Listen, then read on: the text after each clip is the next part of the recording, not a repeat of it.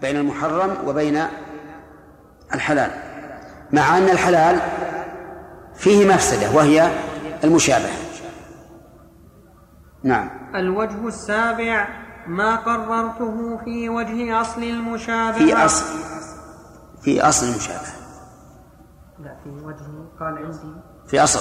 في قال في الحاشية وجه سقطت من ألف.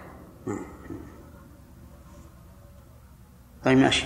ما قررته في في وجه أصل المشابهة وذلك أن الله تعالى جبل بني آدم بل سائر المخلوقات. سائر جبل بني آدم بل سائر المخلوقات على التفاعل بين الشيء بين الشيئين المتشابهين.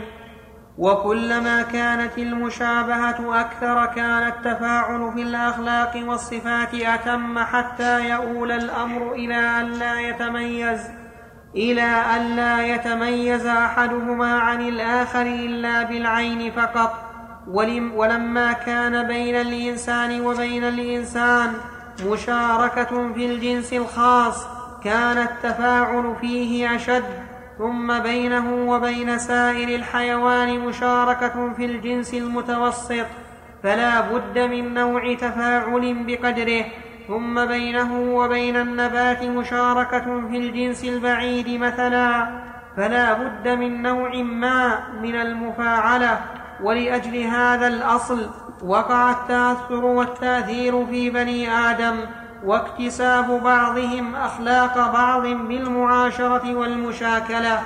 وكذلك الآدمي إذا عاشر نوعا من الحيوان اكتسب بعض أخلاقه ولهذا صار الخيلاء والفخر في أهل الإبل وصارت السكينة في أهل الغنم وصار الجمالون والبغالون فيهم أخلاق مذمومة من أخلاق الجمال والبغال. وكذلك الكلابون وصار الحيوان الإنس هذا شيء مشاهد. يعني أن الإنسان يكتسب من البهائم التي يكثر معاشرته إياها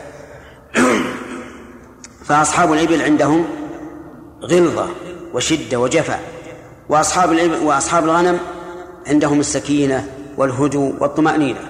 ولهذا كان الأنبياء عليهم الصلاة والسلام يرعون الغنم لما فيها من السكينة والطمأنينة.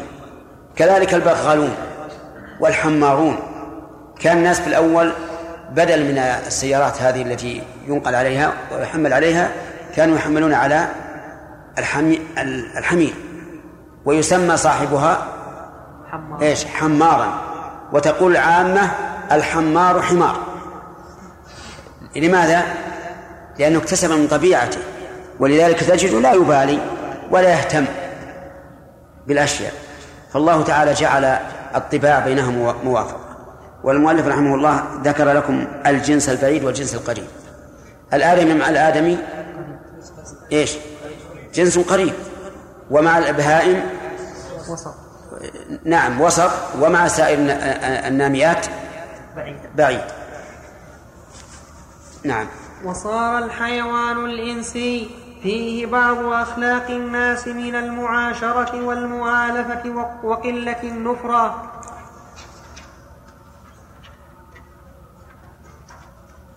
نعم.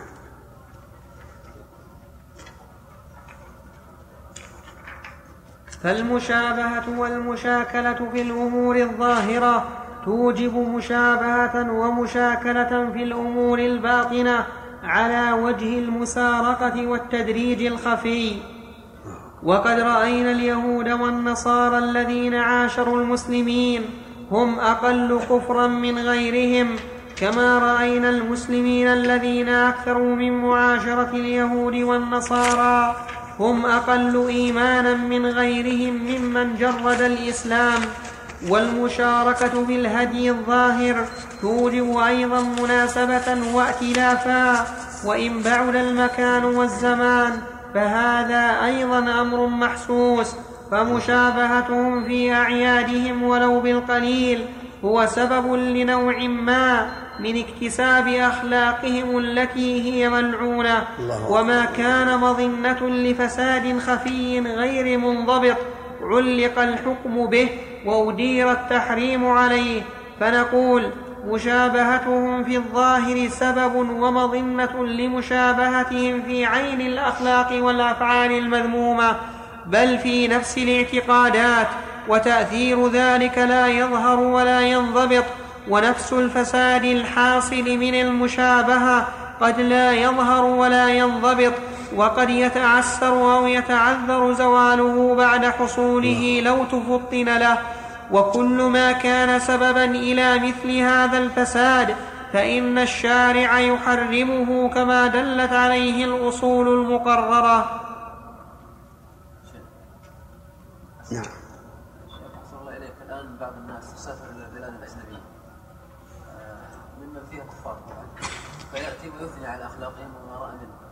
على حسب ما رأى فما المسلك الأمثل؟ نعم. فما المسلك الأمثل مع هذا؟ هل ينهى عن هذا أو يعني تشوه صورة الكفار أمامه هؤلاء الذين يذهبون إلى بلاد الكفر ثم يأتون ويثنون عليهم. هم في الواقع ما رأوهم ولا جلسوهم كثيرا ولا عرفوا غور أخلاقهم.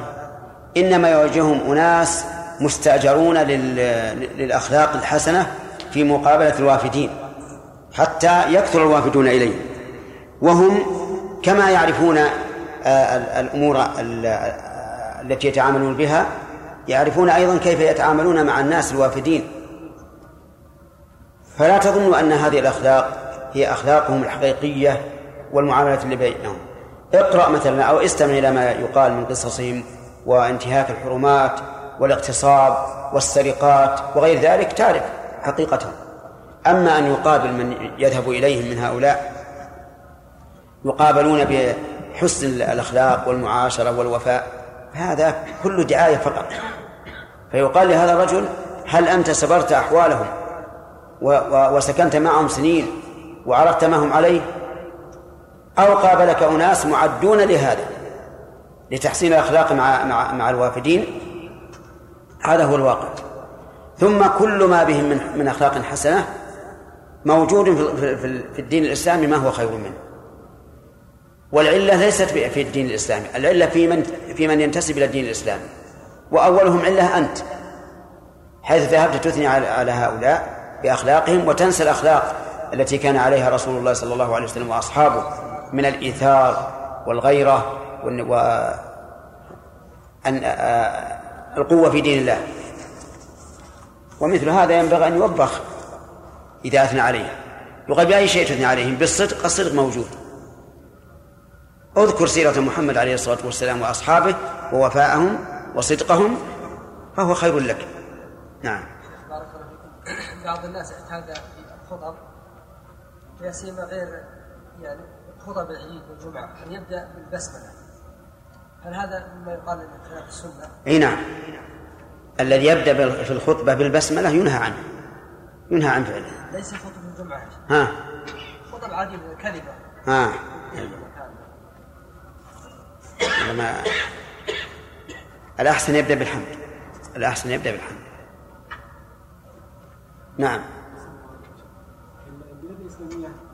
إيش؟ البلاد الإسلامية سابقا نعم. كانت متحده وعاداتها متقاربه في كثير من الأمور. بعد أن حصل التفرق وبعد أيام الاستعمار وبعد غيره انتشرت عادات في بعض البلاد غير هذه البلاد منها ما هو موافق لحال الكفار أو العادة. فهل نقول آه، مثلا على سبيل المثال لبس السراويل أو البنطال وغير ذلك من الملابس انتشرت فظاهر الشباب الذين يلتزمون الآن في هذه الأيام أصبح شعارا لهم موافقه هذه البلاد لبس الخمس وتغطيه الراس وغير ذلك بناء على أن الأصل في هذه الملابس كان جاء من الكفار وأنه أن اكتسح أرض كثيرة من بلاد الكفار إلى أن يظلت الجزيرة وظل أرض العرب متمسكة بهذا النهج. نعم. يعني نقول هذا أفضل خصوصا أصبح شعار للمسلمين. آه، ذكر الإمام مالك رحمه الله نقل فيما نقله عنه صاحب الفتح أن مثل هذه الأمور التي ليس فيها تحريم معين إذا انتشرت ولم تكن من خصائص الكفار زاد زاد عنها التشبه والبنطال كما ترى في كثير من البلاد الإسلامية الآن لا يعرفون إلا هم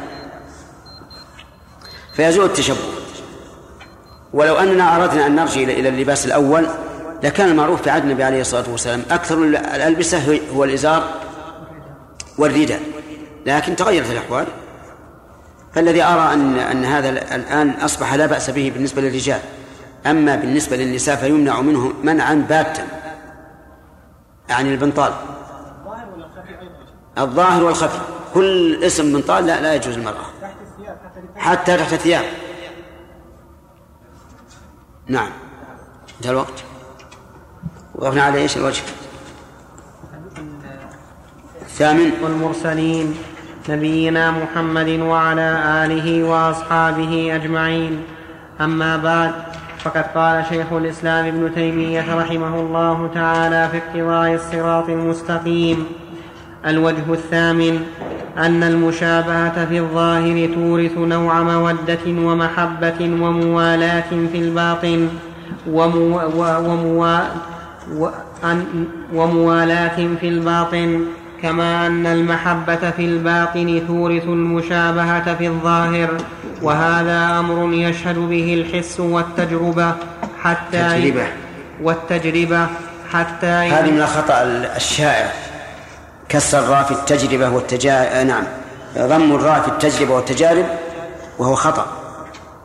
والصواب تجربة وتجارب. نعم.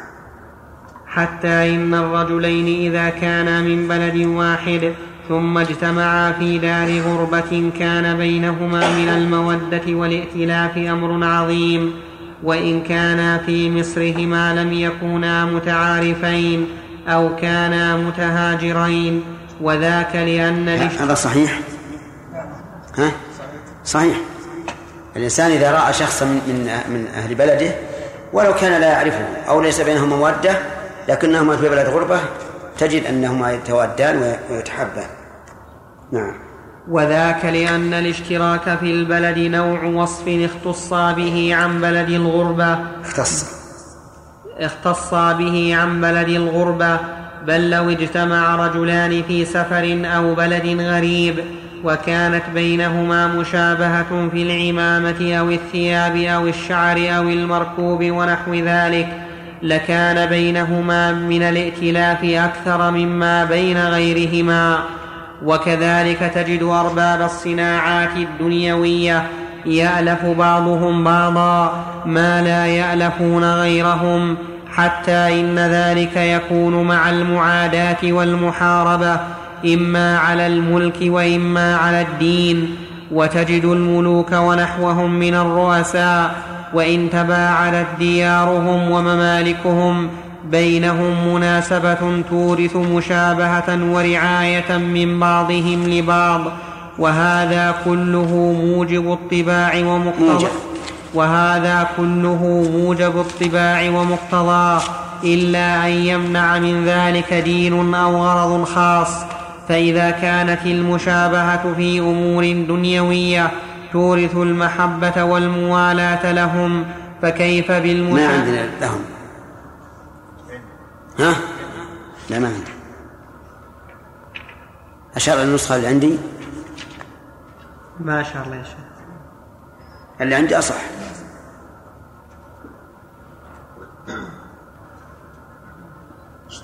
فإذا كانت المشابهة في أمور دنيوية تورث المحبة والموالاة فكيف بالمشابهة؟ لأنه يتكلم الآن يتكلم عن أمر عام. ما هو عن أمر خاص في الكفار. المهم اجعلوها نسخة عشان فإذا كانت المشابهة في أمور دنيوية تورث المحبة والموالاة فكيف بالمشابهة في أمور دينية؟ فإن إفضاها إلى نوع من الموالاة أكثر وأشد. والمحبة والموالاة لهم تنافي الإيمان. قال الله تعالى يا أيها الذين آمنوا لا تتخذوا اليهود والنصارى أولياء بعضهم أولياء بعض. ومن يتولهم منكم فإنه منهم إن الله لا يهدي القوم الظالمين فترى الذين في قلوبهم مرض يسارعون فيهم يقولون نخشى أن تصيبنا دائرة فعسى الله أن يأتي بالفتح أو أمر من عنده فيصبحوا على ما أسروا في أنفسهم نادمين ويقول الذين آمنوا أهؤلاء الذين أقسموا بالله جهد أيمانهم إنهم لمعكم حبطت أعمالهم فأصبحوا خاسرين.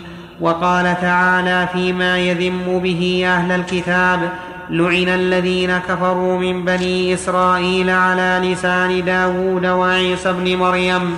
ذلك بما عصوا وكانوا يعتدون. كانوا لا يتناهون عن منكر فعلوه. لبئس ما كانوا يفعلون. ترى كثيرا منهم يتولون الذين كفروا. لبئس ما قدمت لهم أنفسهم. أن سخط الله عليهم وفي العذاب هم خالدون. ولو كانوا يؤمنون بالله والنبي وما أنزل إليه ما اتخذوهم أولياء. ولكن كثيرا منهم فاسقون. فبين سبحانه وتعالى أن الإيمان بالله والنبي وما أنزل إليه مستلزم لعدم ولايتهم فثبوت ولايتهم يوجب عدم الإيمان لأن عدم اللازم يقتضي عدم الملزوم. وقال سبحانه لا تجد قوما يؤمنون بالله واليوم الآخر يوادون من حاد الله ورسوله ولو كانوا آباءهم أو أبناءهم أو إخوانهم أو عشيرتهم أولئك كتب في قلوبهم الإيمان وأيدهم بروح منه فأخبر سبحانه أنه لا يوجد مؤمن يواد, يواد كافرا فمن واد الكفار فليس بمؤمن والمشابهة الكافر ها؟ ما ما يتغير المعنى كثيرا.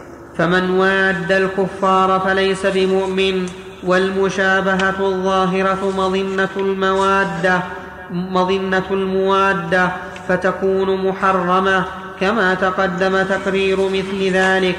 واعلم أن وجوه الفساد في مشابهتهم كثيرة فلنقتصر على ما نبهنا عليه. فصل. نعم الفصل يقول فصل مشابهتهم فيما ليس من شرعنا قسمان. نعم. فصل مشابهة فيما ليس من شرعنا قسمان. أحدهما مع العلم بأن هذا العمل هو من خصائص دينهم فهذا العمل الذي هو من خصائص دينهم إما إما أن يفعل لمجرد موافقتهم وهو قليل وإما لشهوة تتعلق بذلك العمل وإما لشبهة فيه تخيل أنه نافع في الدنيا أو الآخرة. وكل هذا لا شك في تحريمه لكن يبلغ التحريم في بعضه إلى أن يكون من الكبائر وقد يصير كفرا بحسب الأدلة الشرعية. وأما عمل, وأما عمل, وأما عمل لم يعلم الفاعل أنه من عملهم فهو نوعان. أحدهما ما كان في الأصل مأخوذا عنهم إما على الوجه الذي يفعلونه وإما مع نوع تغيير في الزمان أو المكان أو الفعل ونحو ذلك. فهذا غالب ما يبتلى به العامة. في مثل ما يصنعونه في الخميس الحقير والميلاد ونحوهما. فإنهم قد, قد فإنهم قد نشأوا على اعتياد ذلك. إنهم يعني العامة. وتلقاه الأبناء عن الآباء وأكثرهم لا يعلمون مبدأ ذلك. فهذا يعرف صاحبه حكمه. فإن يعرف. فهذا يعرف صاحبه حكمه. صاحبه. فهذا يعرف صاحبه حكمه. فإن لم ينتهي وإن فإن لم ينتهي وإلا صار من القسم الأول. النوع الثاني ما ليس في الأصل مأخوذا عنهم لكنهم يفعلونه أيضا. فهذا ليس فيه محذور المشابهة. ولكن قد, قد, قد يفوت فيه منفعة المخالفة فتتوقف كراهة ذلك وتحريمه على دليل شرعي وراء كونه من مشابهتهم إذ ليس في كوننا تشبهنا بهم بأولى من كونهم تشبهوا بنا. فأما استحباب تركه لمصلحة المخالفة وهذه إشارة إلى فائدة مهمة وهي أننا إذا فعلنا فعلا لا ندري هل أصله منهم أو منا فالاصل الأصل الإباحة. لأن لا لا ندري أهم أخذوه منا أم نحن أخذناه منهم. فيستفاد من ذلك أن ما يطنطن به بعض الناس اليوم ويقول إن رهبانهم وقصص وقسيسيهم كانوا يعفون اللحى الآن. فمقتضى المخالفة أن نحلق اللحى هذا لا شك أنه تضليل وتمويه لأنهم هم إذا فعلوا فقد إيش؟ فقد تابعونا تابعونا على ذلك وإلا في الأصل أنهم لا يفعلون هذا. هذا من وجه وجه آخر أن إعفاء اللحية ليس فيه مجرد المخالفة بل هو من سنن الفطرة كما ثبت ذلك في صحيح مسلم. من الفطرة وذكر منها إعفاء اللحى فهو بنفسه مطلوب بقطع النظر عن كونه مخالفة أو غير مخالفة. وبهذا يتبين ضعف هذه الحجة التي يحتج بها بعض الناس إما اقتناعا بها وإما مخاصمة.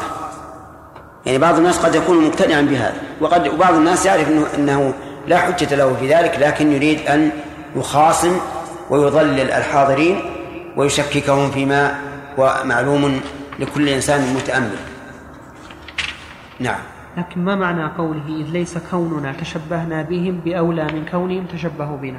أي نعم لأن لأن ما ندري الآن. هل نحن اللي فعلناه أولا فيكون تشبهوا بنا؟ أو هم الذي فعلوه أول أولا فنكون تشبهنا به. فليس أحدنا بأولى من الثاني. فأما استحباب تركه لمصلحة المخالفة إذا لم يكن في تركه ضرر فظاهر لما تقدم من المخالفة وهذا قد توجب الشريعة مخالفتهم فيه وقد توجب عليهم مخالفتنا كما في الزي ونحوه وقد يقتصر على الاستحباب كما في ولهذا أمر عمر رضي الله عنه أهل الذمة أن لا يلبسوا مثل لباسنا مع أنهم كانوا يعتدونه لكن أمرهم أن يلبسوا لباسا مخالفا. لماذا؟ لتتبين المخالفة ويعرف الكافر من المسلم. إذا مر بك في السوق عرفت أنه كافر لأن لباسه لباس الكفار. نعم. لكن هذا لما كان الإسلام عزيزا أعزنا الله وإياكم به. آمين. نعم. وقد يقتصر على الاستحباب كما في صبغ اللحية والصلاة في النعلين والسجود وقد تبلغ الكراهة كما في نعم. كيف؟ والصلاة في النعلين والسجود والله عندي واضحة. والصلاة في النعلين والسجود عندي. السحور أنا والسجود. سجود؟ والسجود. هي على كل حال السحور أحسن. لأن السجود ما أعرف لهم صفة معينة إلا اليهود. فقد قيل أنهم إذا سجدوا يسجدون على جنب. يعني كأنهم يلتفتون. وأن أصل هذا لما رفع فوقهم الجبل جبل الطور وسجدوا صاروا ساجدين ولكن رافعين وجوههم. من أجل أن ينظروا لعله لا يسقط عليه وأخذوا هذا آه، شريعة لهم.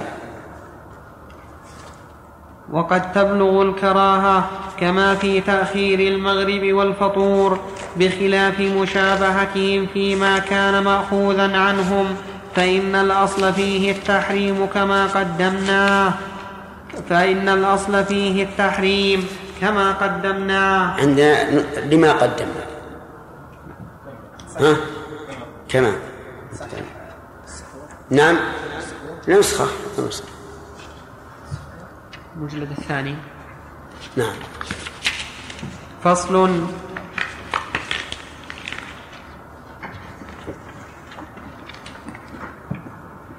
العيد اسم العيد اسم جن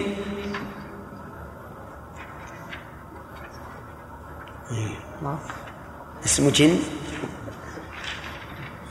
ها؟ لا ما قلت اسم جن. سمعت تقول العيد اسم جن. ظنت الساعة لا الساعة مو هذه الظنة الأخيرة. ما؟ لا باقي خمس. هذه الظنة الأولى. اي مختلف ها هي المتلسلة طيب. هل في موالاة الكفار ومحبة تقتضي الكفر أم تفصيل؟ لا في تفصيل. الموالاة التي تقتضي الكفر موالاتهم بمعنى مناصرتهم على المسلمين. هذه لا شك إنها كفر. وأما محبتهم لعمل عملوه فهذا لا لا يعد من من الموالاة ولا من الموادة. يعني لو أنهم مثلا فعلوا شيئا ينفعنا فأحببناهم على فعلهم يعني على هذا الفعل لا لذواتهم ولا لأديانهم ولا لما هم عليه. فهذا لا بأس لأن النفوس مجبولة على محبة من أحسن إليه. محبة مثل اللاعبين. إيش؟ اللاعبين. لا لا لا لا, لا تأتي لنا بهذا. هذا كله حتى المسلم إذا أحببته من أجل أنه نجح في الكورة محبة غير ليست لله. الله أعلم. عليك ما حكم مساكنة الكافر في سكن واحد؟ والأكل معه والشرب؟ إذا دا إذا ألجئ الإنسان لهذا فلا بأس. كما يوجد الآن في العمال عند الشركات ملجئين لهذا أما مع عدم الإلجاء فلا تقرب. هذا الخميس عيد عند النصارى. يسمونها الخميس الكبير. وشيخ الإسلام يقول الصواب أنه الخميس الحقير. نعم. دائما كلام شيخ الاسلام الاخير ان هناك قسم مشابهه وقسم مخالفه نعم. جعل الاصل في المشابهه التحريم والمخالفه على ما رتب يعني نعم. بعض الأمور يقول بعض أهل العلم ان إن لم يكن فيها أمر المشابهة فعلى الأقل فيها يعني يستحب فيها أمر المخالفة. كمثل لبسهم الساعة في اليسار وهم بدات يدهم فنخالفهم باليمين؟ لا لا لا مو صحيح. هذا هذا ليس بصحيح. هم أيضا لا يلبسون تعبدا لكن يلبسونها لأن هذا لأن اليسار في الغالب ما يكون عملها كثيرا بخلاف اليمين. هذه من جهة. من جهة أخرى أنه كانت الساعات في الأول آه، عند التعبئة يكون من جهة ما يعبيها من جهة اليمين. باليمين. هذه لا لا, لا ليس فيها مشابهة. وإلا لقلنا أيضا السيارات لا لا لا, لا, لا, لا تركب على الكنب اللي فيها ولا تقودها لأنهم يقودون هكذا. وإذا جاء السيارة آه، الدركسون من اليمين لا تركبها. مثلا. ما ليس في ضرر يا شيخ. لا ما يجوز. ما صحيح هذا؟ شيخ أحسن الله قلنا العادات التي في ديار الكفار اذا انتشرت في ذكرناها نعم نعم. فعلمنا شيخ إن ال- مثل البنطال وكذا يكون قلنا الأولى إن أن يلبس في الديار التي يلبس فيها. ولكن شيخ لما نقول أن هذا هو السنة لأن السنة اتباع العرف فعلى ذلك يكون السنة لبس البنطال. إيه. هل إذا لبس القميص في البلاد هذه يعتبر شهرة؟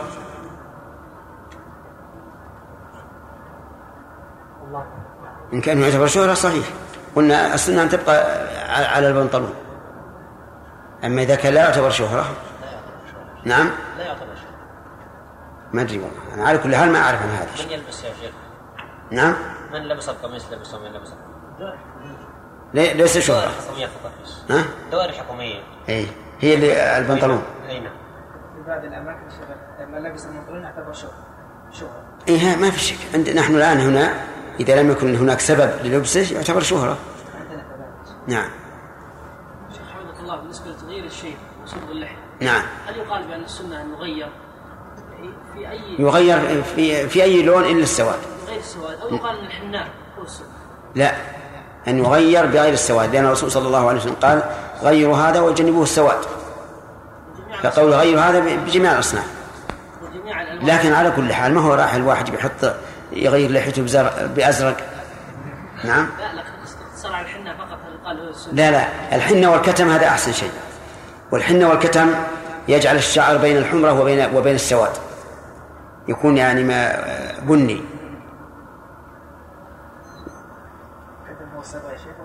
معروف الكتم. أسأل عنه أصحاب الدواء. تم الوقت؟ بسم الله. الاقتضاء يا شيخ. الاقتضاء؟ عدها علينا.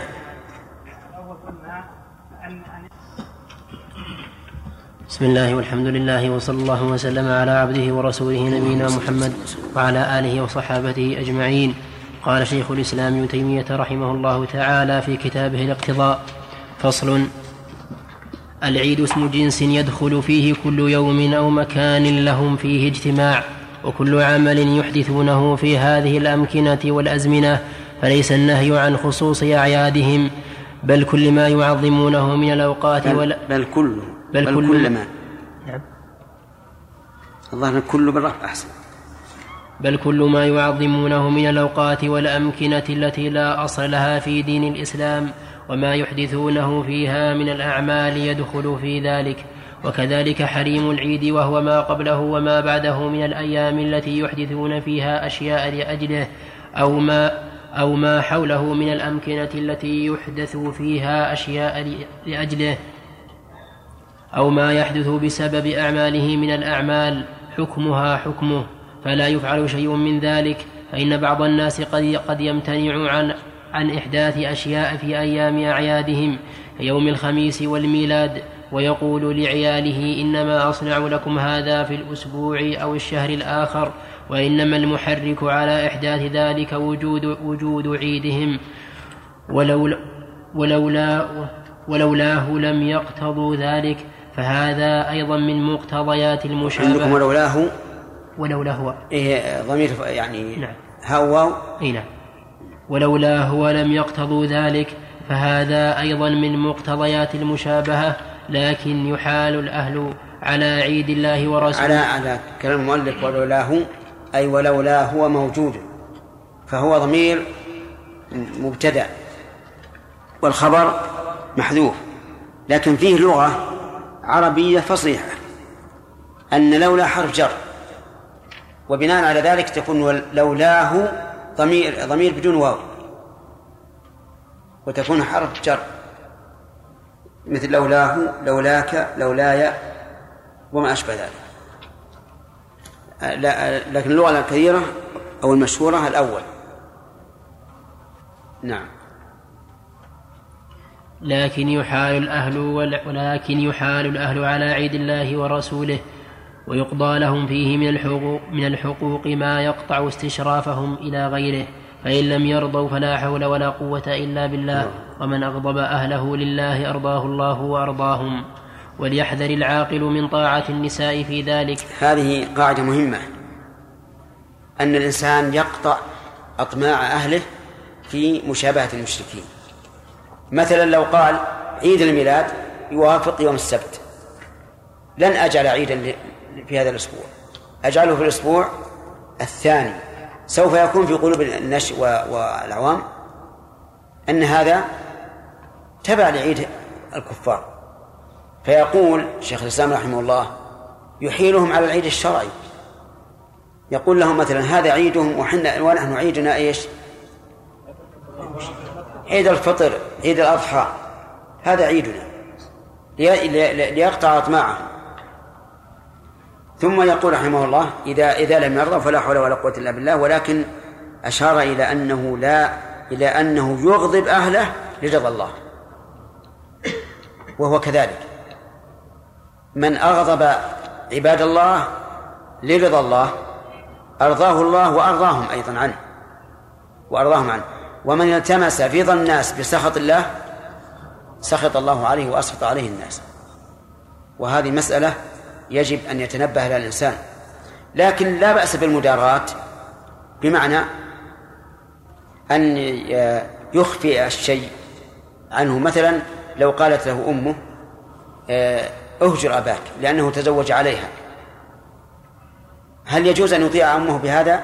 لا يجوز. لكن يجاريه بمعنى أن يذهب إلى أبيه من غير أن تعلم حتى يحصل له البر بالوالد وعدم إغضاب الأم. نعم. وليحذر العاقل من طاعة النساء في ذلك. في الصحيحين عن أسامة بن زيد أنه في قال ذلك مو في كل شيء. طاعة النساء أحيانا تكون خير تكون خير وبركة لكن في المحرم لا تطيعها. نعم طيب. ففي الصحيحين عن أسامة بن زيد أنه قال قال رسول الله صلى الله عليه وسلم ما تركت بعدي فتنة أضر على الرجال من النساء وأكثر ما يفسد الملك والدول طاعة النساء. الله أكبر. وفي صحيح البخاري عن أبي بكرة رضي الله عنه أنه قال قال رسول ما الله تركت بعدي فتنة أضر على الرجال من النساء. والرسول عليه الصلاة والسلام كلامه معصوم والكلام هنا عام. لأن فتنة نكرة في سياق النفي فتعم. هي إذن أعظم من أي فتنة إلا من فتنة واحدة وهي فتنة الدجال. فهي أعظم فتنة كما ثبت ذلك في الصحيح. ثم قال أكثر ما يفسد الملك والدول طاعة النساء. سبحان الله. الآن فيه ناس ليس لهم هم إلا طاعة النساء. والرجحان مع النساء وتناسل الرجال. نعم. يقول مثلا في النساء يسميهن السيدات. هل هذا صحيح؟ عجيب. ليس بصحيح. السيد هو الرجل وألف يا سيدها لدى الباب. أما المرأة فليست السيدة. إن قلنا إن إن إن أعطيناها هذا اللقب الشريف إن أعطيناها هذا اللقب الشريف أعطيناها إياه نسبيا. نقول هي سيدة بالنسبة لامرأة دونها. أما سيدة على الرجال فلا فلا يمكن أن تطمع في ذلك. أي نعم. وأكثر ما يفسد الملك والدول طاعة النساء. وفي صحيح البخاري عن أبي بكرة رضي الله عنه أنه قال قال صلى الله عليه وسلم لن يفلح قوم ولوا أمرهم امرأة. وروي أيضا هلكت الرجال حين أطاعت النساء. وقد قال صلى الله عليه وسلم لأمهات المؤمنين لما راجعنه في تقديم أبي بكر إن كنا صواحب يوسف. يريد أن النساء من شأنهن مراجعات ذي اللب. كما قال في الحديث الآخر ما رأيت من ناقصات عقل ودين أغلب أغلب للب ذي اللب من إحداكن. ولما أنشده الأعشى أعشى باهلة أبياته التي ولما؟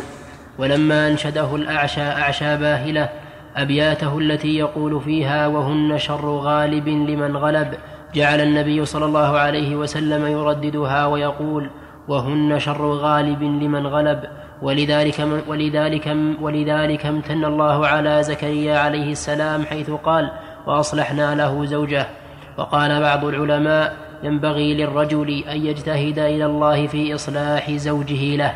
الله أكبر الله أكبر. ربنا هب لنا من أزواجنا وذرياتنا قرة أعين.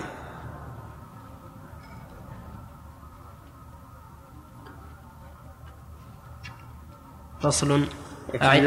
الأمثال العامية يقول النساء يغلبن الكرام ويغلبهن اللئام. لأن اللئيم ما يبالي بها ولا يأخذ خاطرها ويهينها والكريم بالعكس فتغلبه لكن ينبغي الإنسان أن لا يكون هكذا ولا هكذا. نعم. فصل. أعياد الكفار كثيرة مختلفة. شيخ الإسلام رحمه الله يتكلم هذا الكلام عن النساء والرجل لم يتزوج. سبحان الله. مما يدل على أن الله تعالى أعطاه عقلا كبيرا جدا. وربما يتكلم أحيانا عن عن الجماع وأنه يعني يفرح النفس وفي كذا وفي كذا وهو لم يتزوج. لكن الله عز وجل إذا فتح على عبده أبواب العلم والعقل استفاد كثيرا. اللهم افتح علينا يا رب العالمين. نعم. فصل. أعياد الكفار كثيرة مختلفة وليس على المسلم أن يبحث عنها ولا يعرفها بل يكفيه أن يعرف في أي فعل من الأفعال أو يوم أو مكان أن سبب هذا الفعل أو تعظيم هذا المكان أو الزمان من جهتهم. ولو لم يعرف أن سببه من جهتهم فيكفيه أن يعلم أنه لا أصل له في دين الإسلام. أنه لا أصل له في دين الإسلام فإنه إذا لم يكن له أصل فإما أن يكون قد أحدثه بعض الناس من تلقاء نفسه أو يكون مأخوذا عنهم فأقل أحواله أن يكون من البدع. ونحن ننبه على ما رأينا كثير. يعني نحن نقول إما أن يكون من باب التشبه متى؟ إن أخذه عنهم وإما أن يكون من باب البدع إذا لم نعلم أنه أخذه عنهم لكنه لا أصل له في الدين. فكما قال الشيخ رحمه الله أقل أحواله أن يكون من من البدع. نعم. فأقل أحواله أن يكون من البدع ونحن ننبه على ما رأينا كثيرا من الناس قد وقعوا فيه. فمن ذلك الخميس الحقير الذي في آخر صومهم فإنه يوم عيد المائدة فيما يزعمون ويسمونه عيد العشاء. وهو الأسبوع الذي يكون فيه من الأحد. عندنا وهو والأسبوع. نعم. وهو الأسبوع الذي لا يكون وهو والأسبوع. فهو ها؟ ما في واو؟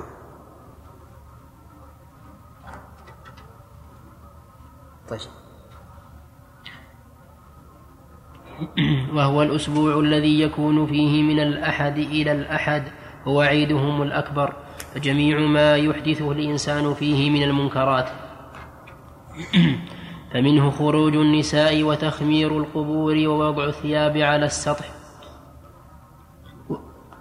وتخمير وتخمير القبور ووضع الثياب على تخميرها يعني تغطيتها. ها؟ تبخير؟ يمكن يجمعون بين هذا وهذا. يمكن يبخرونها ثم يغطونها لئلا تذهب الرائحة.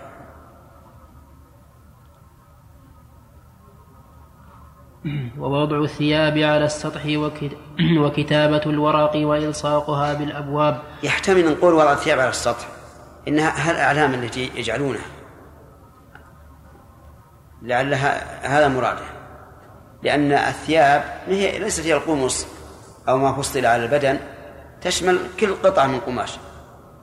فلعله يريد الأعلام أو أنه يريد مثل ما يفعل بعض الحجاج الآن في مكة يجعلون من رأس السطح إلى أسفل الأرض يمدون خرقة إيه، معلمة.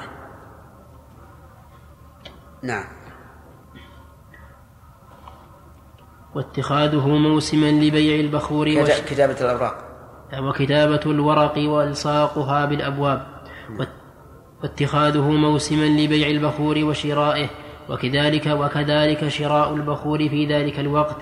إذا اتخذ وقتا للبيع ورقي البخور مطلقا في ذلك الوقت أو في غيره أو قصد شراء البخور المرقي فإن رقي البخور وات فإن رقي البخور واتخاذه قربانا هو دين النصارى والصابئين. وإنما البخور وإنما البخور طيب يتطيب بدخانه كما يتطيب كما يتطيب بسائر.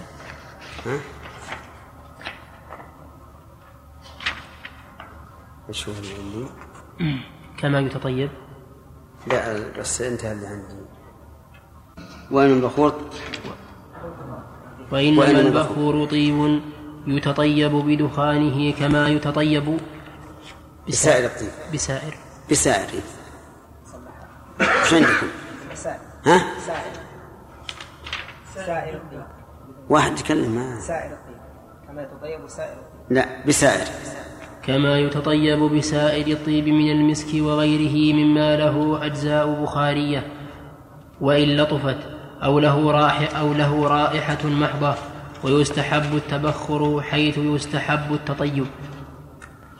وكذلك اختصاصه بطبخ رز بلبن أو بسيسة أو عدس أو صبغ أو بي أو بيض أو, أو صبغ بيض.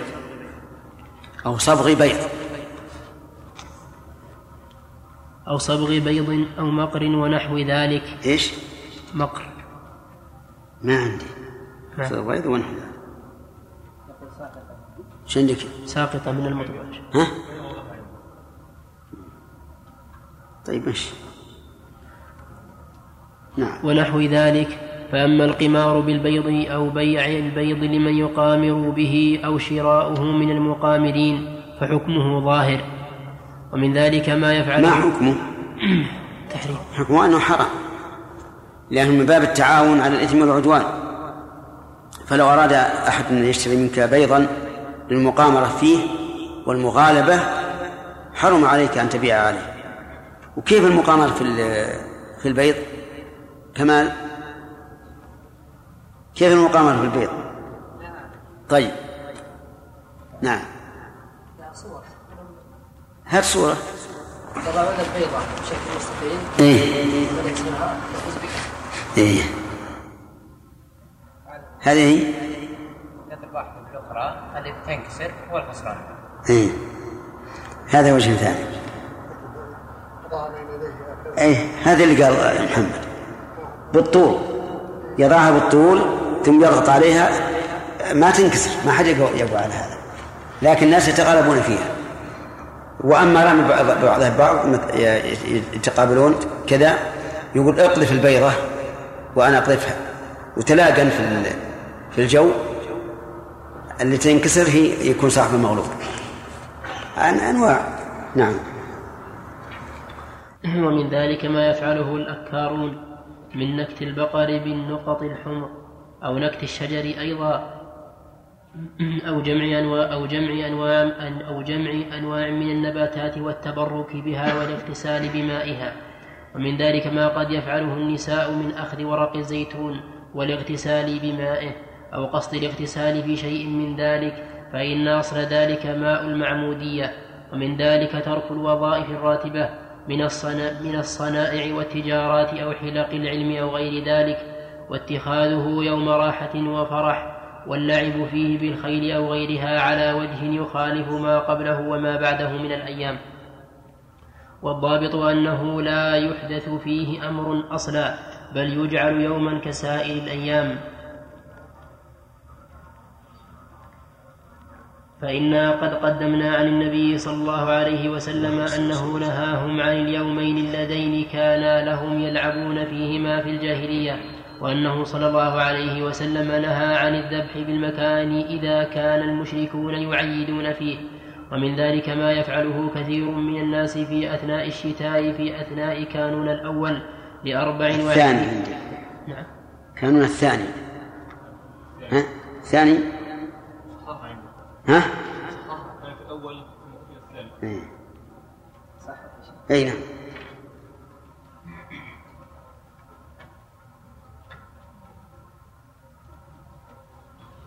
في أثناء كانون الثاني لأربع وعشرين خلت منه ويزعمون أن ميلاد عيسى عليه ويزعمون أنه ميلاد عيسى عليه السلام. فجميع ما يحدث فيه هو من المنكرات مثل إيقاد النيران وإحداث طعام واصطناع شمع وغير ذلك.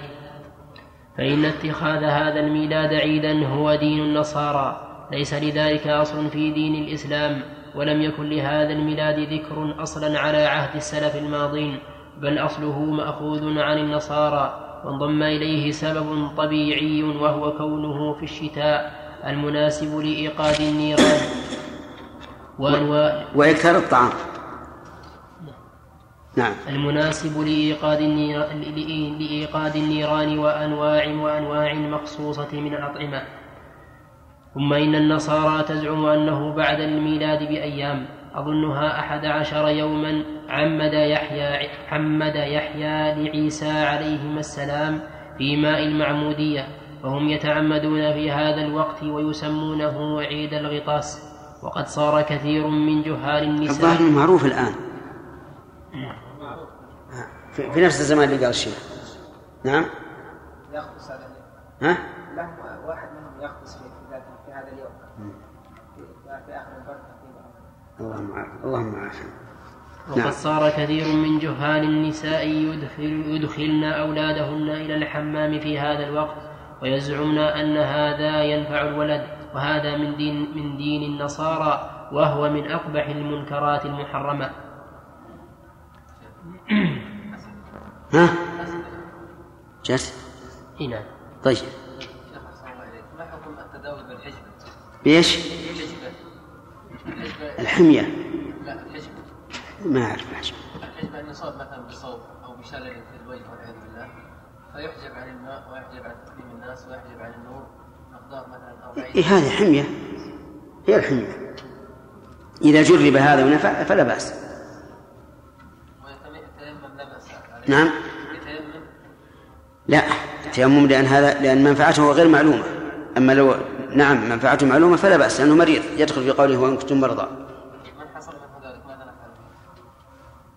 وانتفع ولا ما انتفع؟ إيه. معناه معناه انه انه, إنه نافع أسبوعين أقول معناه إنه نافع هل يقضي الصلاة؟ ما يقضيها ما حكم قول رجل امرأته ومازحا أو محقرا آه، بعض الأمثلة المشهورة التي تحقق شأن النساء كيف؟ يعني مثلا بعض الأمثلة المشهورة إي نعم. مشهورة المرأة إذا صحت آه، هي فسادة 100 سنة. وإذا لم تصح فتفسد الدهر كله أعد أعد أعد السؤال. بعض الأمثلة المشهورة من بعض إيش؟ الأمثلة نعم نعم. أن مشورة المرأة إذا صحت فهي تفسد 100 سنة. وإذا لم تصح أفسدت الدهر كله يعني إذا شاورته.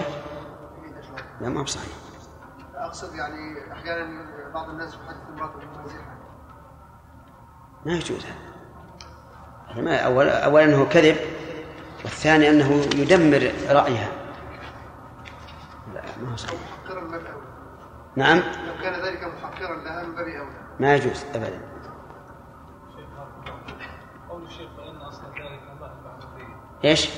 قول الشيخ مم. فإن أصل ذلك ماء المعمودية ما معنى المعمودية؟ هذا التعميد موسى تعم- تعميد عيسى اللحم هذا ذكر.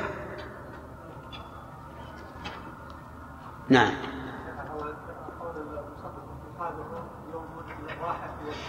نعم.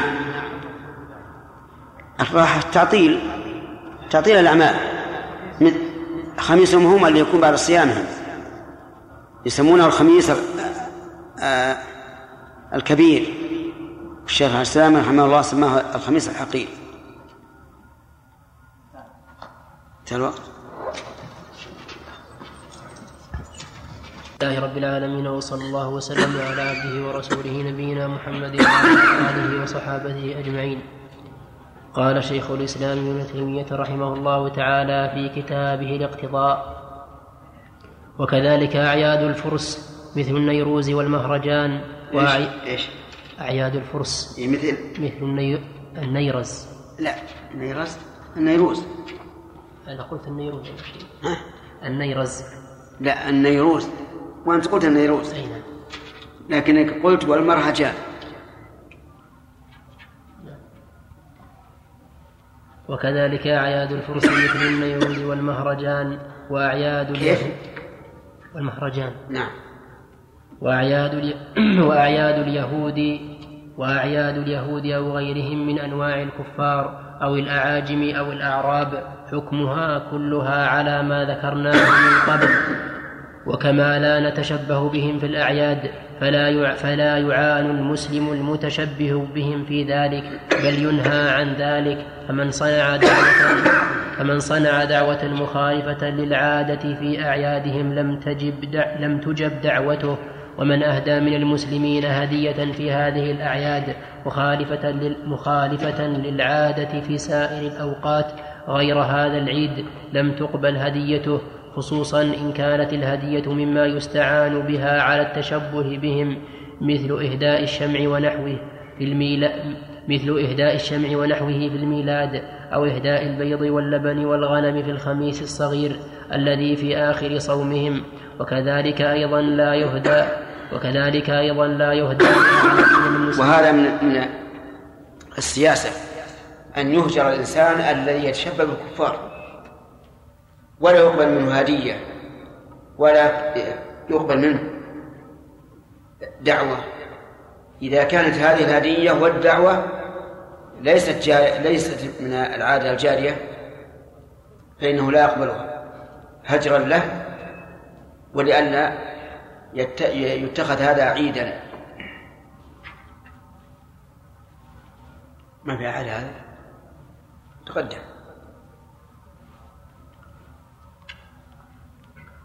وكذلك أيضا لا يهدى لأحد من المسلمين في هذه الأعياد هدية لأجل العيد لا سيما إذا كان مما إذا كان مما يستعان به على التشبه بهم كما ذكرناه. ولا يبيع المسلم ما يستعين به المسلمون على مشابهتهم في العيد. عيدنا ولا يبايع. عندي يقول في ها؟ يبيع. في ألف وباء يبايع. ها؟ في نسخة ألف وباء يبايع. اي نخليها نسخة.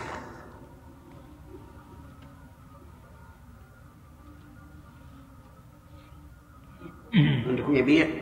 اي نعم. نعم. من الطعام واللباس ونحو ذلك. ولا يبيع. نعم. ولا يبيع المسلم ما يستعين به المسلمون على مشابهتهم في العيد من الطعام واللباس ونحو ذلك لأن في ذلك لأن في ذلك إعانة على المنكر. فأما مبايعاتهم ما يستعينونهم به على عيدهم أو شهود أعيادهم لشراء لشراء فيها فقد قدمنا أنه قيل للإمام أحمد هذه الأعياد التي تكون عندنا بالشام مثل مثل طور يانور ودير أيوب وأشباهه يشهده المسلمون يشهدون الأسواق ويجلبون فيه الغنم والبقر والدقيق والبر وغير ذلك إلا أنه إلا أنه إنما يكون في الأسواق يشترون يشترون ولا يدخلون عليهم بيعهم وإنما يشهدون الأسواق قال إذا لم يدخلوا عليهم بيعهم وإنما يشهدون السوق فلا بأس. وقال أبو الحسن الآمدي فأما ما يبيعون في الأسواق في أعيادهم فلا بأس بحضوره. نص عليه أحمد في رواية مهنا وقال إنما يمنع إنما يمنعون أن يدخلوا عليهم بيعهم وكنائسهم. فأما ما يباع في الأسواق من المأكل فلا وإن قصد إلى توفير ذلك وتحسينه لأجلهم. فهذا الكلام محتمل لأنه أجاز شهود السوق لأنه أجاز شهود السوق مطلقا بائعا ومشتريا لأنه قال إذا لم يدخلوا عليهم كنائسهم وإنما يشهدون السوق فلا بأس وهذا يعم البائع والمشتري لا سيما إن كان الضمير في قوله يجلبون عائدا إلى المسلمين فيكون قد نص على جواز كونهم جالبين إلى السوق. ويحتمل وهو أقوى أنه إنما رخص في شهود السوق فقط ورخص في الشراء منهم ولم يتعرض للبيع منهم لأن السائل إنما سأله عن شهود السوق التي يقيمها الكفار لعيدهم. وقال في آخر مسألته يشترون ولا يدخلون عليهم بيعهم وذلك لأن السائل مهنا بن يحيى الشامي وهو فقيه عالم وكان والله أعلم قد سمع ما جاء في النهي عن شهود أعيادهم فسأل أحمد هل شهود أسواقهم بمنزلة شهود أعيادهم فأجاب أحمد بالرخصة في شهود السوق. ولم يسأل عن بيع المسلم لهم إما لظهور الحكم عنده وإما لعدم الحاجة إليه إذ ذاك. وكلام الآمدي أيضا محتمل للوجهين لكن الأظهر فيه الرخصة في البيع أيضا لقوله إنما يمنعون أن يدخلوا عليهم بيعهم وكنائسهم. وقوله وإن قصد إلى توفير ذلك وتحسينه لأجلهم. فما أجاب به أحمد من جواز شهود السوق فقط للشراء منها من غير دخول الكنيسة فيجوز لأن ذلك ليس فيه شهود منكر ولا إعانة على معصية. لأن نفس الابتياع منهم جائز ولا إعانة فيه على المعصية بل فيه صرف لما لعلهم يبتاعونه لعيدهم عنهم فيكون فيه تقليل الشر وقد كانت أسواق في الجاهلية. كان المسلم وعلى كل حال ما قاله الشيخ صحيح يعني يفرق بين البيع والشراء. فالشراء لا بأس به والبيع إعانة على المنكر. لكن قد يقول قائل في وقتنا الحاضر الشراء منهم يزيدهم سرورا وينمي اقتصادهم لأنهم يبيعون بهذه المناسبة ولا ينزلون السعر. يجعلون السعر هو هو ف... فإذا خيف من ذلك وأنها وأننا إذا اشترينا منهم ما يجلبون بأعيادهم يزيدهم سرورا وينمي أموالهم ويزدادون كسبا فإنه يمنع لأن الحكم يدور مع علته. نعم. وفي ظن أن المسلمين إذا هاجروهم ولم يأتوا إلى أسواقهم يشترون أنهم في العام المقبل لا يجلبون لأنهم يعرفون أنهم أنهم مهجورون. نعم. فيكون فيه تقليل الشر وقد كانت أسواق في الجاهلية كان المسلمون يشهدونها. نعم. كانت أسواق في المدينة. وش بعدها؟ كان المسلمون يشهدونها لا عندي أسواق في الجاهلية. نشوف الآن. كان المسلمون يشهدونها وشهد بعضها النبي صلى الله عليه وسلم ومن هذه الأسواق ما كان يكون في موسم الحج ومنها ما كان يكون لأعياد باطلة. وأيضا صار الجاهلية أحسن. نعم. وأي- وأيضا فإن أكثر ما في السوق أن يباع فيها ما يستعان به على المعصية فهو كما لو حضر الرجل سوقا يباع فيه السلاح لمن يقتل به معصوما أو العصير لمن لمن يخمره فحضرها الرجل ليشتري منها بل هذا أجود لأن البائع في هذه السوق ذمي وقد أقروا على هذه المبايعة.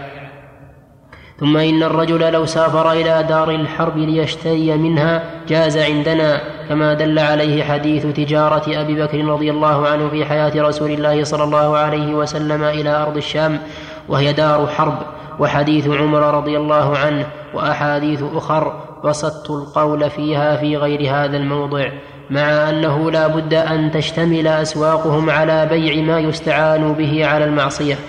فأما بيع المسلمين لهم في أعيادهم ما يستعينون به على عيدهم من الطعام واللباس والريحان ونحو ذلك أو إهداء ذلك لهم فهذا فيه نوع إعانة على إقامة عيدهم على إقامة عيدهم على إقامة عيدهم المحرم وهو مبني على أصل وهو أن بيع الكفار عنبا أو عصيرا يتخذونه خمرا لا يجوز وكذلك لا يجوز بيعهم سلاحا يقاتلون به مسلما.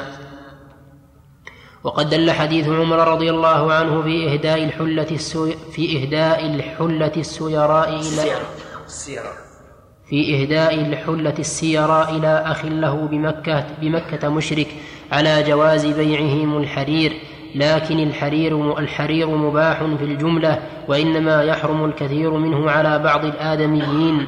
ولهذا جاز التداوي به في أصح الروايتين ولم يجز بالخمر بحال وجازت صنعته في الأصل والتجارة فيه فهذا الأصل فيه اشتباه. فإن قيل بالاحتمال الأول في كلام أحمد جوز ذلك. وعن أحمد في جواز حمل التجارة إلى أرض إلى أرض الحرب روايتان منصوصتان. فقد يقال بيعها لهم في العيد كحملها إلى دار الحرب. فإن حمل الثياب والطعام إلى أرض الحرب فيه إعانة على دينهم في الجملة وإذا منعنا منها إلى أرض الحرب فهذا أولى وأكثر أصوله ونصوصه تقتضي المنع من ذلك لكن هل هو منع تحريم أو تنزيه مبني على ما سيأتي وقد ذكر عبد الملك بن حبيب أن هذا مما. أن هذا مما اجتمع على كراهته وصرح بأن مذهب عندك ولا أجمع؟ في نسخة أجمع. طيب. وصرح بأن مذهب مالك أن ذلك حرام. وقال عبد الملك بن حبيب في الواضحة كره مالك أكل ما ذبح النصارى لكنائسهم ونهى عنه من غير تحريم. قال وكذلك ما ذبحوا على على اسم المسيح أو الصليب أو أسماء أو أسماء من أو أسماء من مضى من أحبارهم. أو أسماء من مضى من أحبارهم ورهبانهم الذين يعظمون. فقد كان مالك أو يعظمون؟ نعم. يعظمون. الذين يصرف يعظمون بالفتح. يصرف بالفتح والكسر. نعم. فقد كان مالك وغيره ممن يقتدى به يكره أكل هذا يكره أكل هذا كله من ذبائح كله من ذبائحهم وبه نأخذ. وهو يضاهي قول الله تعالى وما أهل به لغير الله وهي ذبائحهم التي كانوا يذبحون لأصنامهم التي كانوا يعبدون. قال وقد كان رجال من العلماء يستخفون بذلك ويقولون قد أحل الله لنا ذبائحهم وهو يعلم ما يقولون وما يريدون بها. وروى وروى ذلك ابن وهب عن ابن عباس وعبادة بن الصامت وأبي الدرداء وسليمان بن يسار وعمر, وعمر بن عبد العزيز وابن شهاب وربيعة ويحيى بن سعيد ومكحول وعطاء قال عبد الملك وترك ما ذبحوا. وترك ما ذبحوا لأعيادهم وأقستهم وموتاهم وموتاهم وكنائسهم أفضل قال وإن في هذه المسألة اختلف فيها الناس في قوله تبارك وتعالى وطعام الذين أوتوا الكتاب حل لكم هل يشمل كل ما اعتقدوه طعاما وإن كان لا يحل لنا إما لكونه أهل لغير الله به أو ذبح للصليب أو خنق أو ما أشبه ذلك؟ فقال بعض العلماء كل ما كل ما جعلوه طعاما واعتقدوه طعاما فهو حلال لنا ولا نسأل. كيف ذبحوا ولا على أي اسم ذكروا الله آه ذكروا على الذبيحة والقول الثاني أنه لابد أن يذبحوا على الطريقة الإسلامية وأن لا يذكروا عليها إلا اسم الله. وعلى هذا القول فإذا شككنا هل سموا أم لا فإننا لا نسأل لأن الأصل أن الذبيحة حلال. وإذا شككنا هل هم يذبحون على الطريقة الإسلامية أو لا فلا نسأل. لأن الأصل أن ذبائحهم حلال وهذا القول الثاني أقرب من الأول لأنه إذا كان المسلم لو ذبح على الطريقة الإسلامية لا تحل فالكافر من باب أولى. نعم. قال وإن فيه عيبا آخر أن أكله من تعظيم شركهم. ولقد سأل سعد المعافري مالكا عن الطعام الذي تصنعه النصارى لموتاهم يتصدقون به عنهم أيأكل منه المسلم؟ فقال لا ينبغي لا, لا ينبغي لا يأخذه منهم لأنه إنما يعمل تعظيما للشرك فهو كالذبائح لل فهو كالذبائح لل فهو كالذبائح للأعياد والكنائس. وسئل ابن القاسم عن النصراني يوصي بشيء يباع من ملكه للكنيسة هل يجوز لمسلم شراؤه؟ فقال لا يحل ذلك له لأنه تعظيم لشعائرهم وشرائعهم وشرائعهم ومش وشرائعهم ومشتريهم مسلم و لأنه تعظيم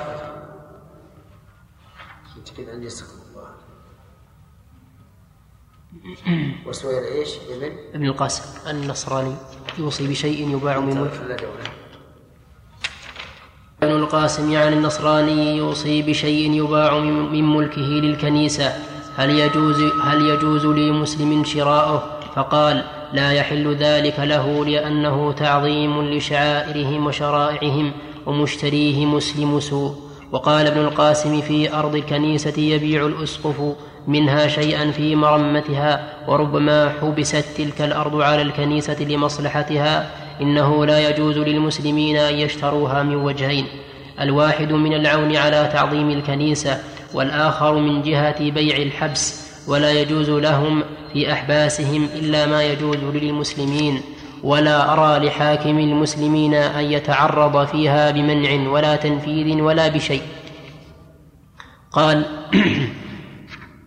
وسئل ابن القاسم عن الركوب في السفن التي تركب فيها النصارى إلى أعيادهم فكره ذلك مخافة نزول السخطة عليهم بشركهم الذي اجتمعوا عليه. وكره ابن القاسم للمسلم يهدي للنصراني شيئا في عيدهم مكافأة لهم. ورآه من تعظيم عيدهم وعونا لهم على مصلحة كفرهم. ألا ترى أنه لا يحل للمسلمين أن يبيعوا من النصارى شيئا من مصلحة عيدهم؟ لا لحما ولا لا لحما ولا إداما. لا لحما ولا أداما. إداما. ولا إداما. لا لحما ولا إداما ولا ثوبا. ولا يعارون دابة ولا يعاونون على شيء من عيدهم لأن ذلك من تعظيم شركهم ومن عونهم على كفرهم. وينبغي للسلاطين أن ينهوا المسلمين عن ذلك. وهو قول مالك وغيره لم أعلمه اختلف فيه. فأكل ذبائح أعيادهم داخل في هذا الذي أجمع على كراهيته بل هو عندي أشد فهذا كله كلام ابن حبيب. وقد ذكر أنه قد اجتمع على كراهة مبايعتهم ومهاداتهم ما يستعينون به على أعيادهم وقد صرح بأن مذهب مالك أنه لا يحل ذلك. وأما نصوص أحمد على مسائل هذا الباب فقال إسحاق بن إبراهيم سئل أبو عبد الله عن نصارى وقفوا ضيعة للبيت للبيعة أيستأجرها الرجل المسلم منهم؟ قال لا يأخذها بشيء. لا يعينهم على ما هم فيه. وقال أيضا سمعت أبا عبد الله وسئل وسأله رجل بناء وسأله رجل بناء أبني للمجوس ناووسا؟ قال لا تبني لهم ولا تعنهم على ما هم فيه. وقد نقل عنه محمد بن الحكم وسأله عن الرجل المسلم يحفر لأهل الذمة قبرا بكراء؟ قال لا بأس به. والفرق بينهما أن الناووس من خصائص دينهم الباطل كالكنيسة بخلاف القبر المطلق فإنه ليس في فإنه ليس في نفسه مع فإنه ليس في نفسه معصية ولا من خصائص دينهم. وقال الخلال باب الرجل يؤاجر داره للذمي أو يبيعها منه. وذكر عن المروزي أن أبا عبد الله سئل عن رجل باع داره من ذمي وفيها محاريبه فقال نصراني واستعى واستع فقال نصراني واستعظم ذلك وقال لا لا تباع لا تباع يضرب فيها بالناقوس وينصب فيها الصلبان وقال لا تباع من الكفار وشدد في ذلك. وعن أبي الحارث أن أن أبا عبد الله سئل عن الرجل يبيع داره وقد جاءه نصارى وقد جاءه نصراني فأرغبه وزاده في ثمن الدار. ترى له أن يبيع داره منه وهو نصراني أو يهودي أو مجوسي. قال لا أرى له ذلك. يبيع داره من كافر يكفر بالله فيها. يبيعها من مسلم أحب إلي. فهذا نص على المنع. ونقل عنه إبراهيم بن الحارث قيل, قيل لأبي عبد الله الرجل يكري منزله من الذمي ينزل فيه وهو يعلم أنه يشرب فيه الخمر ويشرك فيه. قال ابن عوف قال ابن عوف كان لا يكري إلا من أهل الذمة. يقول يرعبهم. يرعبهم. يرعبهم. يرعبهم نعم. يرعبهم. قيل له كأنه أراد إذلال أهل الذمة بهذا. قال لا ولكنه أراد أنه كره أن يرعب المسلمين. يقول إذا جئت أطلب الكراء من المسلم أرعبته فإذا كان ذميا أهون أهون عنده. وجعل أبو عبد الله يعجب لهذا من ابن عون. سبق ابن عون. ابن عون. سبق. لا ابن عون عندي. نعم وسبق قلنا ابن عوف. قلنا خطأ. عندك ابن عوف ولا ابن عون؟ الأولى ابن عوف. لا ابن عون. الأولى. نعم. وجعل أبو عبد الله يعجب لهذا من ابن عون فيما رأيت. وهكذا نقل الأثرم وهكذا نقل الأثرم سواء ولفظه قلت لأبي عبد الله. ومسائل الأثرم وإبراهيم بن الحارث يشتركان فيها. ونقل عنه مهنا. قال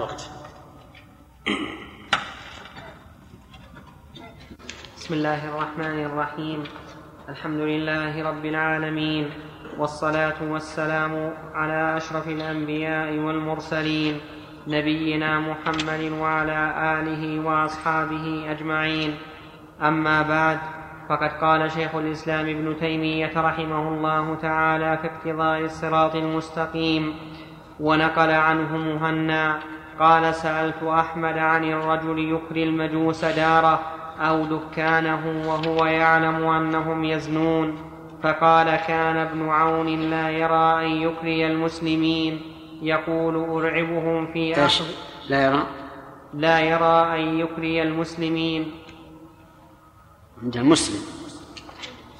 مفرد. أشار إليها. ما ما شيء. لو تجعلون نسخة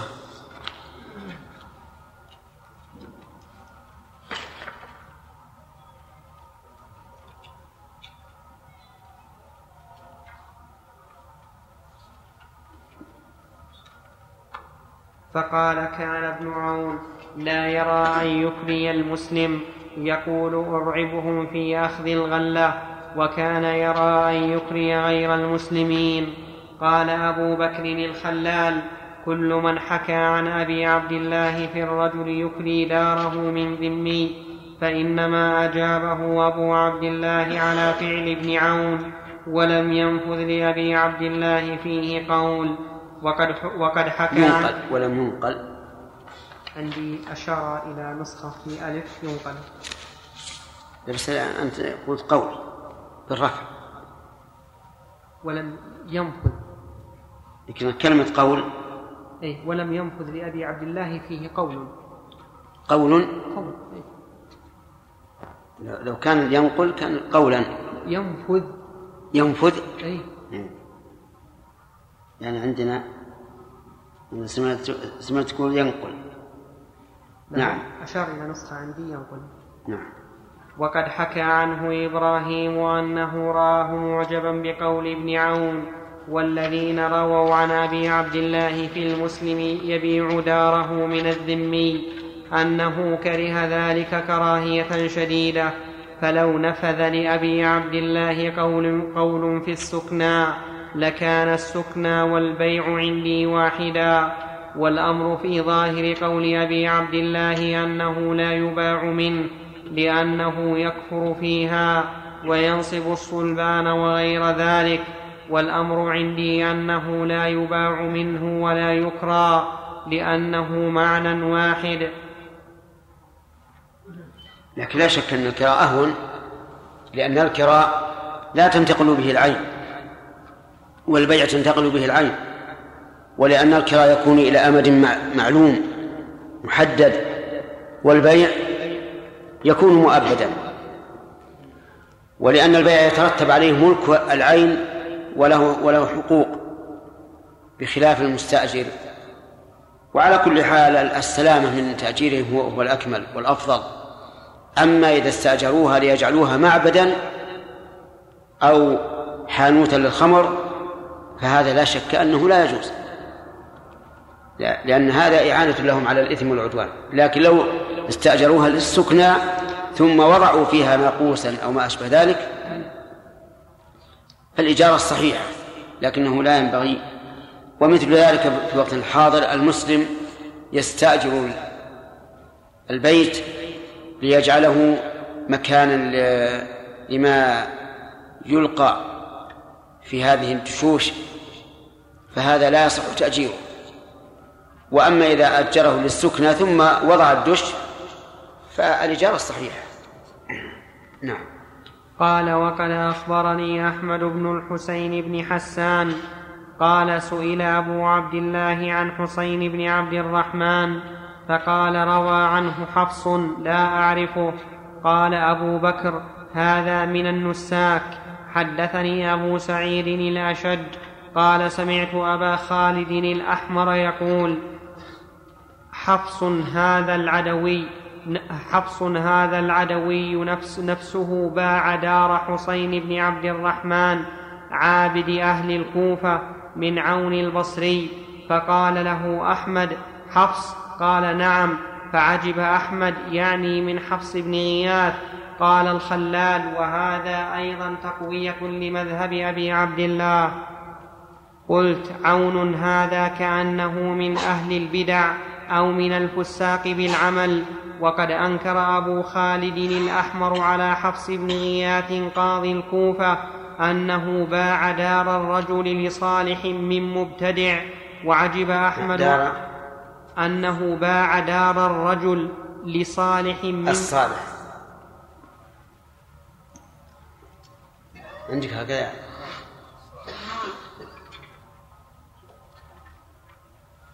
أنه باع دار الرجل الصالح من مبتدع وعجب أحمد أيضا من فعل القاضي.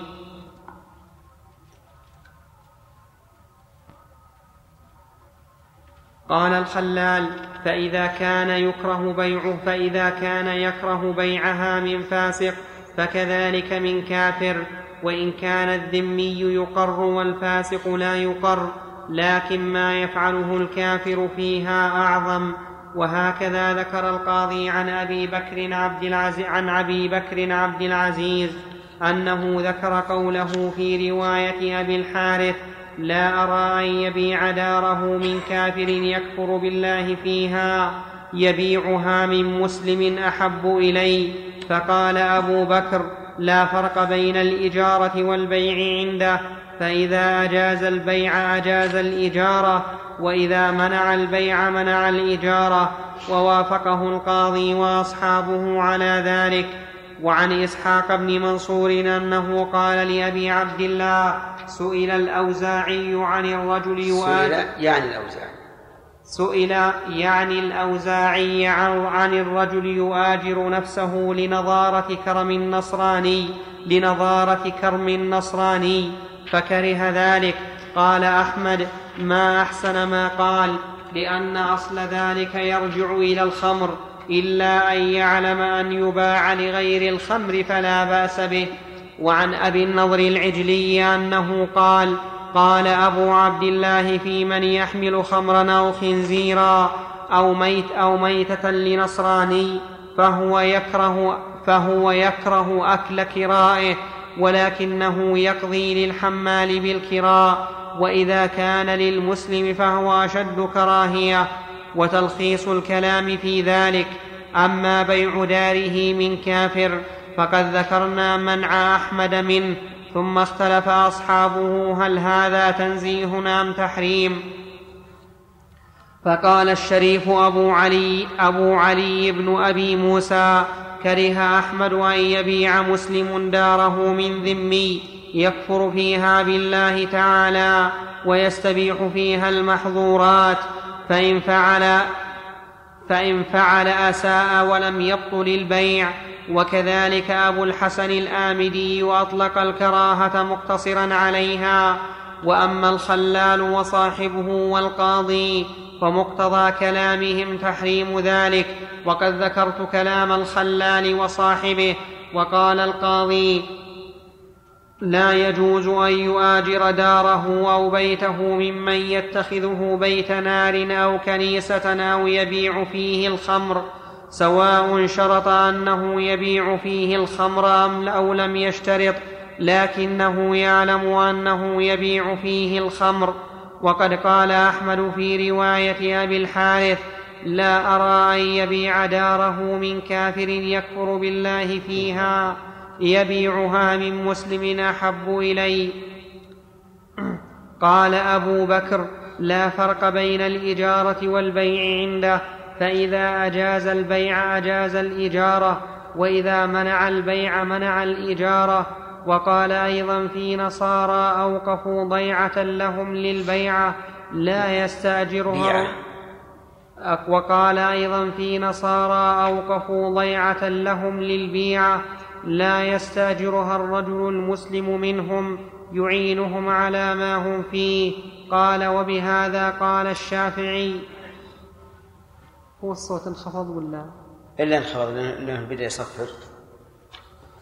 فقد حرم القاضي إجارتها لمن يعلم أنه يبيع فيها الخمر مستشهدا على ذلك بنص أحمد على أنه لا يبيعها لكافر. ولا يستكري وقف الكنيسة وذلك يقتضي أن المنع في هاتين الصورتين عنده منع تحريم. ثم قال القاضي في أثناء المسألة فإن قيل أليس قد أجاز أحمد إجارتها من أهل الذمة مع علمه بأنهم يفعلون فيها ذلك؟ قيل المنقول عن أحمد أنه حكى قول ابن عون. قول. أن المنقول عن أحمد أنه حكى قول ابن عون وعجب منه وذكر القاضي رواية الأثرم وهذا يقتضي أن القاضي لا يجوز إجارتها من ذمي. وكذلك أبو بكر قال إذا أجاز أجاز وإذا منع منع وما لا يجوز فهو محرم. وكلام أحمد رحمه الله محتمل محتمل, محتمل الأمرين. فإن قوله في رواية أبي الحارث يبيعها من مسلم, من مسلم. يبيعها من مسلم أحب إلي يقتضي أنه منع تنزيه واستعظامه لذلك في رواية المروذي وقوله لا تباع من الكفار وشدد في ذلك يقتضي التحريم. وأما الإجارة فقد سول أصحاب بينها وبين البيع وأن ما حكاه عن ابن عون والخلاصة في مسألة البيع أن نقول إن باعها لمن يكفر فيها ويبيع الخمر وما أشبه ذلك فهو حرام. لقول الله تعالى ولا تعاونوا على الإثم والعدوان وإن باعها لمن يسكن فيها. فهذا فيه تفصيل. إذا كان هناك منع من قبل السلطان أن تباع على الكفار فهو ممنوع ولا يحل وإن لم يكن فيه منع فقد يقال بالكراهة إذا كان هذا الكافر ممن يجوز له المقام في هذا المكان وقد وقد يقال بالتحريم. لكن الكراهة أقرب لأن الكفار كانوا مع الصحابة رضي الله عنهم في المدن والقرى ساكنين. نعم. لي. وأما الإجارة. وأما الإجارة فقد سول أصحاب بينها وبين البيع وأن ما حكاه عن ابن عون ليس بقول له وأن إعجابه بفعل ابن عون إنما كان لحسن مقصد لحسن مقصد ابن عون ونيته الصالحة. ويمكن أن يقال بل ظاهر الرواية أنه أجاز ذلك. فإن إعجابه بالفعل دليل على جوازه عنده واقتصار وقت واقتصاره على الجواب بفعل رجل يقتضي أنه مذهبه في أحد الوجهين. والفرق بين الإجارة والبيع أن ما في الإجارة من مفسدة الإعانة قد عارضه مصلحة أخرى وهو صرف إرعاب المطالبة بالكراء عن المسلم وإنزال ذلك بالكفار وصار ذلك بمنزلة إقرارهم بالجزية فإنه وإن كان إقرارا لكافر لكن لما لما تضمنه لما لكن لما تضمنه من المصلحة جاز وكذلك جازت جازت مهادنة الكفار في الجملة فأما البيع فهذه المصلحة مسألة إرعاب المسلم بالأجرة. فيها نظر.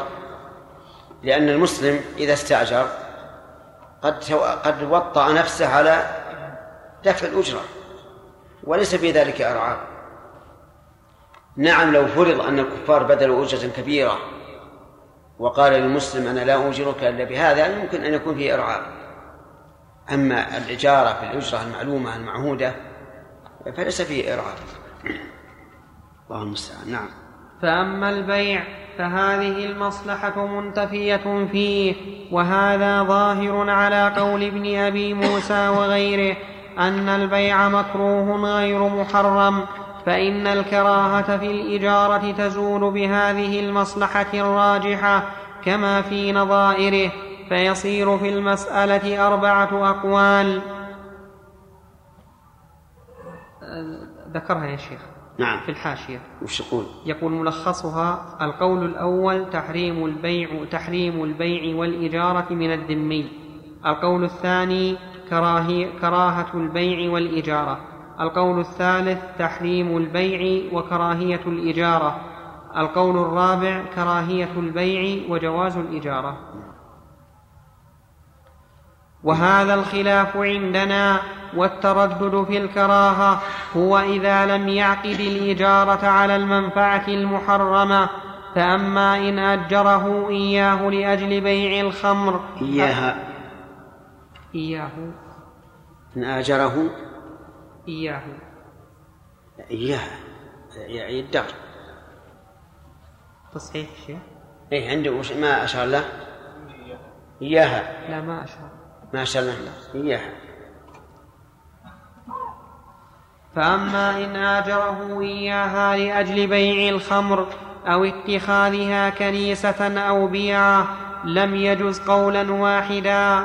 وبه قال الشافعي وغيره كما لا يجوز أن يكري أمته أو عبده للفجور. وقال أبو حنيفة يجوز أن يؤجرها لذلك. وقال أبو بكر الرازي لا فرق عند أبي حنيفة. وجه هذا القول لأبي حنيفة رحمه الله أن هذا مباح له أي للذم.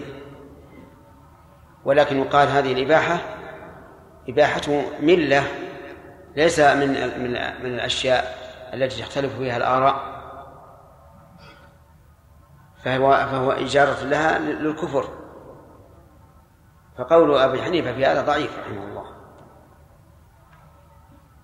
نعم. وقال أبو حنيفة يجوز أن يؤجرها لذلك. وقال أبو بكر الرازي لا فرق عند أبي حنيفة بين أن يشترط أن يبيع فيه الخمر وبين أن لا يشترط لكنه يعلم أنه يبيع. وبين أن لا يشترط لكنه موصول. وبين أن لا يشترط لكنه يعلم أنه يبيع فيه الخمر أن الإجارة تصح. ومأخذه في ذلك أنه لا يستحق عل أنه لا يست أنه لا يستحق عليه بعقد الإجارة. فعل هذه الأشياء وإن شرط.